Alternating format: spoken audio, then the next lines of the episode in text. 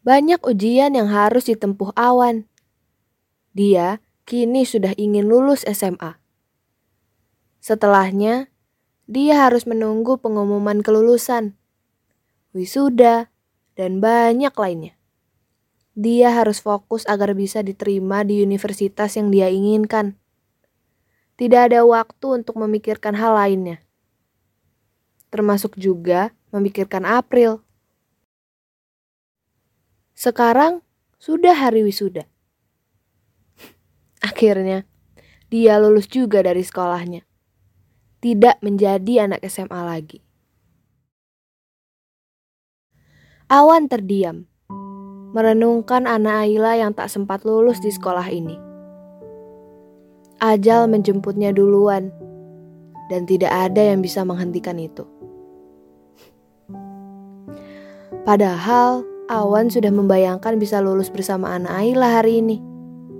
Tapi ternyata tidak. Ya, memang perpisahan sering kali mengajarkan kita betapa berharganya seseorang setelah dia tiada.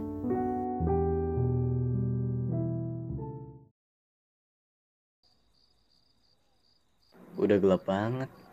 Lebih baik pulang aja deh. Lagi pula wisuda juga udah selesai dari tadi.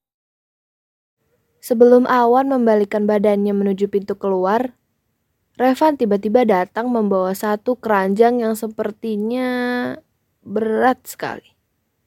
Apa isi keranjang tersebut? Wan, ini ada kumpulan surat sama hadiah buat lo dari teman-teman seangkatan sama adik-adik kelas. Terima Gi, berat banget nih. Seru Revan seraya memberikan keranjang yang penuh hadiah itu ke tangan Awan. Banyak sekali. Awan saja sampai terkejut. Biasanya sih tidak sampai sebanyak ini. iya, dia sering kali diberi hadiah oleh para penggemarnya. Tapi mungkin tidak sebanyak sekarang. Wah, ini kenapa banyak banget, Van? Gimana gue bawa baliknya? Keluh awan tergopoh-gopoh membawa keranjang yang berat itu. Untung saja dia pulang pakai mobil. Kalau enggak gimana? Um, mungkin karena lo udah wisuda alias nggak di SMA lagi, semua penggemar lo jadi sedih. Makanya mereka kasih ini ke lo. Jawab Revan sambil memijat-mijat bahunya yang pegal karena membawa keranjang berat itu barusan. Awan mengucapkan terima kasih pada Revan, kemudian berlalu ke mobilnya. Ada-ada saja sih para penggemarnya itu.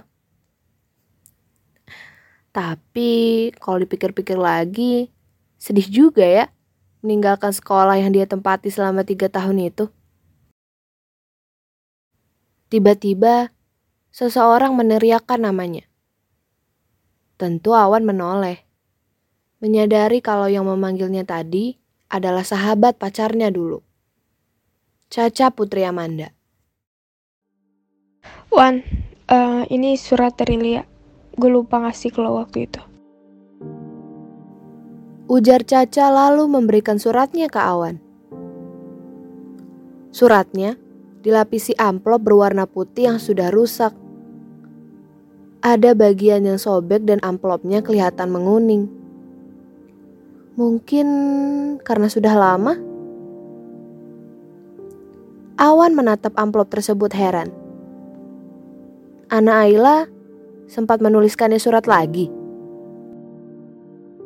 Bukannya Ana cuma menuliskan satu surat buat gue. Kok ini ada lagi? Tanya Awan. Dia senang, sedih, dan khawatir saat menerima surat itu. Sedangkan Caca hanya bisa menjawab. Iya, tapi sebelum dia nggak ada, dia ada nulis satu surat lagi buat lo. Hmm, sebenarnya Lia pernah bilang sih ke gue kalau nggak boleh kasih surat ini ke lo. Tapi menurut gue lo harus baca surat ini. Oh gitu. Ya udah, makasih cak. Iya Wan, sama-sama. Hmm, jangan kaget ya pas bacanya. Awan mengangguk. Berterima kasih karena Caca memberi surat ini untuknya.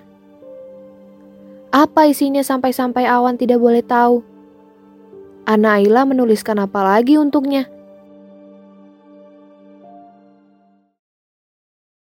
Dia tak sabar membaca surat itu.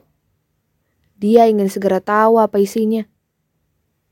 Tapi Awan memutuskan untuk membacanya di kamarnya saja, agar tidak ada orang yang tahu. Bagaimana kalau ternyata isinya sedih, lalu membuat Awan menangis? Dia tidak ingin itu terjadi, apalagi kalau keluarganya melihat. Sampai di rumah, Awan segera membawa keranjang yang penuh surat itu ke kamarnya. Tak lupa juga surat dari Ana Aila.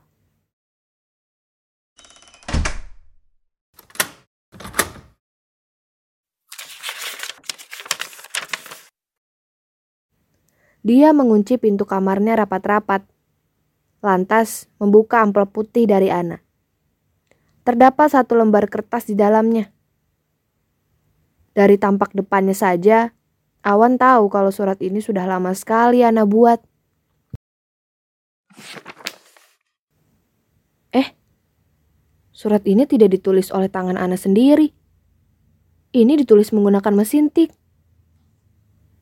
Hmm, oh, Awan ingat. Ana mempunyai mesin tik di rumahnya. Mengingat kalau Ana memang suka menulis dengan alat seperti mesin tik ini.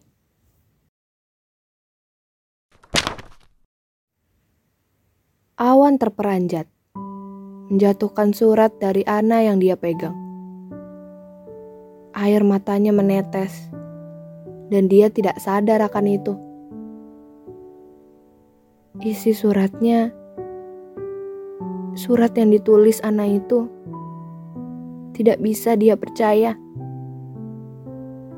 Ana menulis surat itu seolah-olah dia tahu bahwa sebentar lagi dia akan tiada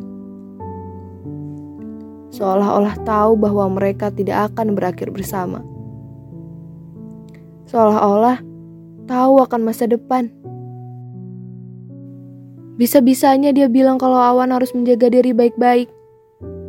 Padahal dia yang harusnya menjaga diri dengan baik. Harusnya dia yang menjaga kesehatannya dengan baik.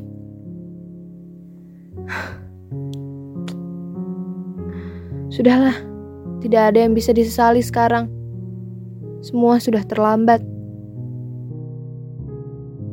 Setelah membaca suratnya, Awan jadi ingat akan perkataan Ana waktu itu. Wan, kalau nanti aku udah nggak ada, aku harap kamu bisa ketemu sama orang lain yang lebih baik daripada aku. Yang gak sakit-sakitan, yang gak ngerepotin kamu terus. Jangan terus terikat sama masa lalu. Carilah orang yang baru yang berbeda denganku. Tentu reaksi Awan saat mendengar kata-kata itu adalah tidak terima. Kata siapa Ana akan meninggalkannya? Perkataan Ana seolah-olah benar akan terjadi.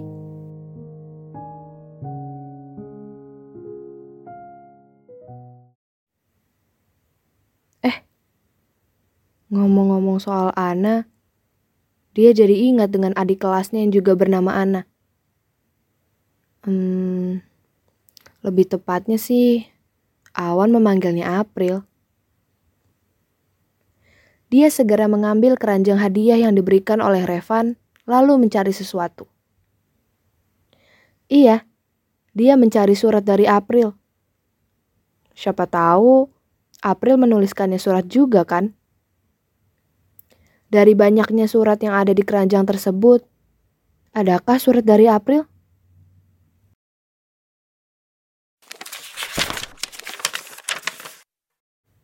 Oh, ada.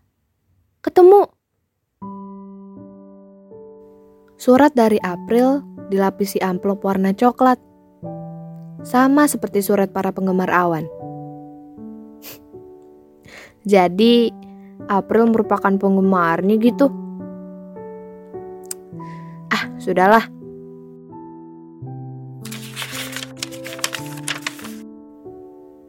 Awan membuka amplop itu segera. Lalu menatap tulisan tangan April.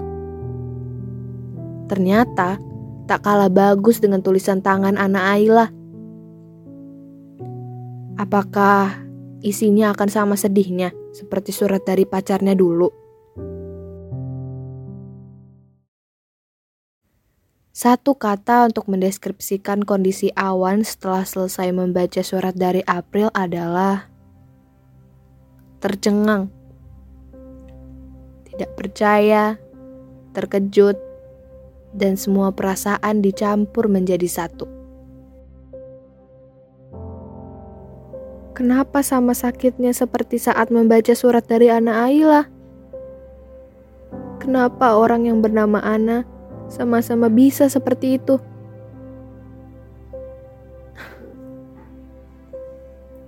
Mereka berdua memang jago menulis, dan tulisan yang mereka buat pasti akan membuat awan sedih. Mereka memang ahlinya.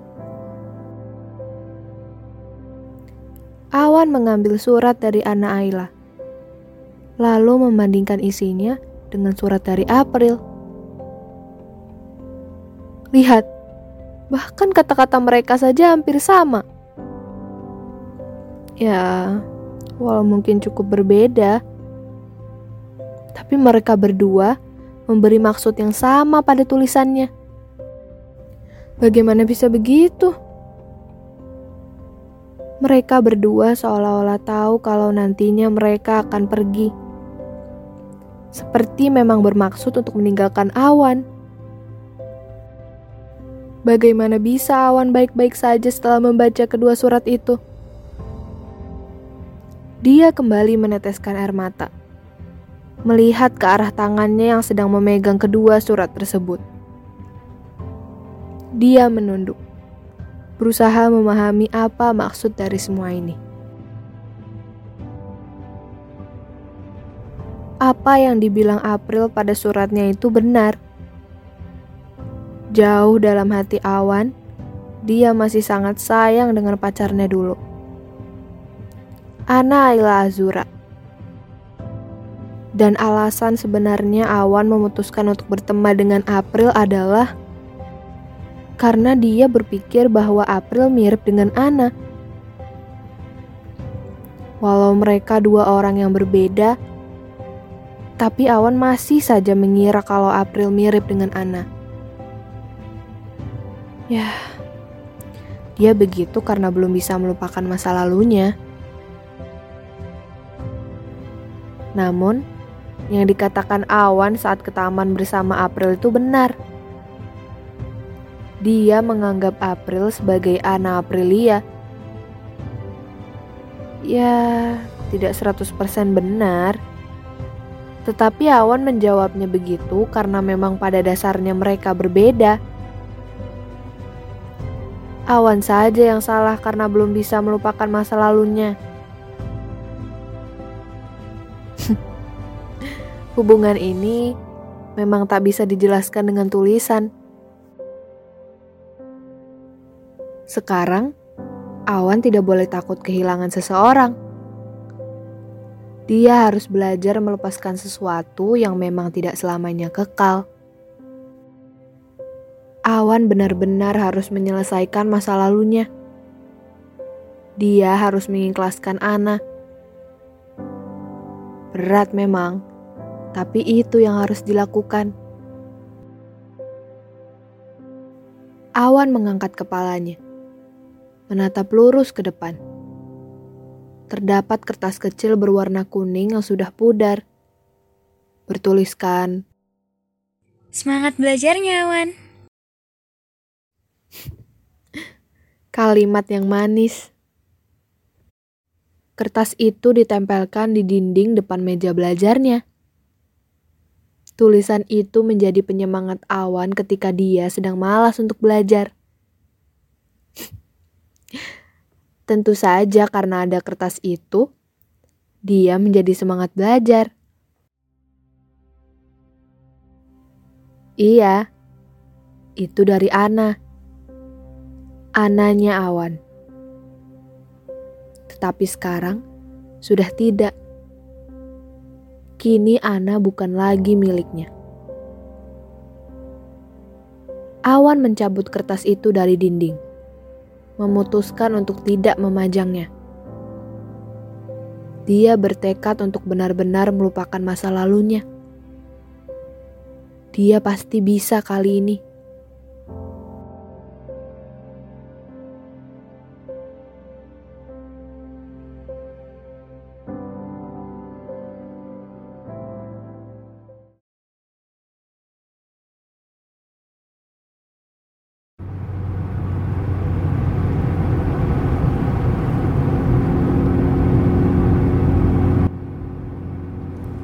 Honey, are you sick?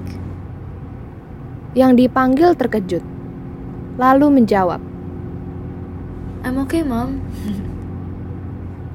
are you thinking of someone? Aduh, pakai ketahuan lagi. Emang kelihatan banget ya muka gue. Gue bilang apa nih? No, I'm not, mom. I'm just thinking about my new school later. Nothing's wrong. Ana hanya bisa berbohong pada Jasmine. Dia tak bisa jujur bahwa dia sedang memikirkan awan sekarang. Iya, Ana dari tadi diam saja di mobil, melamun memikirkan awan. Sampai-sampai ibunya mengira dia sakit. Awanlah orang yang membuat pikirannya tidak tenang akhir-akhir ini. Bagaimana ya keadaan awan sekarang? Apa dia sudah membaca surat darinya? Atau jangan-jangan suratnya tidak sampai ke awan? Padahal cuma setahun kenal, tapi sudah membuat diri orang lain khawatir saja. Ana menutup matanya, membayangkan hari-hari saat masih bersama awan. Dia rindu akan ocehannya yang konyol itu. Menyukainya adalah kesalahan gak ya? Mungkin Ana terburu-buru menyukainya, sedangkan dia masih sulit pergi dari masa lalunya. Saat sedang bersamanya, dia malah kepikiran sama mantannya. Ya, berat memang mengusahakan orang yang masih menanggapi masa lalunya. Bener ya, kata orang. Jangan pernah mencintai seseorang yang masih terbayang dengan masa lalunya.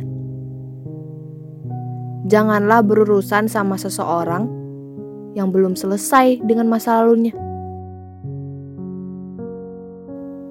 Mungkin kesalahan Ana hanya satu, yaitu menyukai orang yang masih dengan masa lalunya. Padahal, sebelum mencintai seseorang, kita harus menerima terlebih dahulu masa lalunya. Iya, letak kesalahan Ana di situ. Entah dia sudah menerima masa lalu Awan terlebih dahulu atau tidak sebelum menyukainya.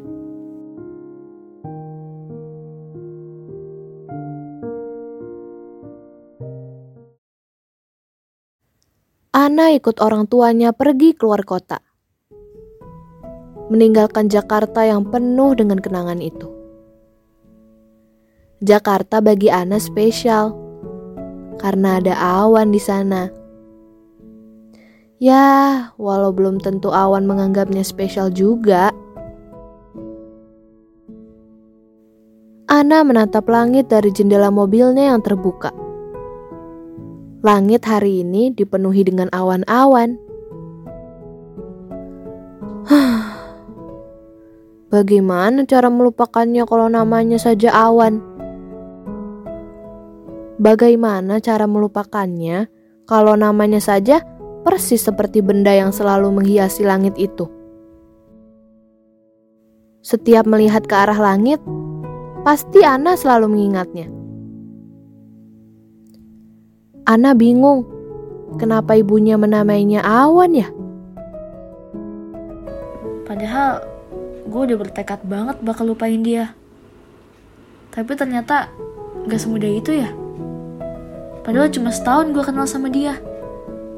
Aneh. Bener-bener aneh.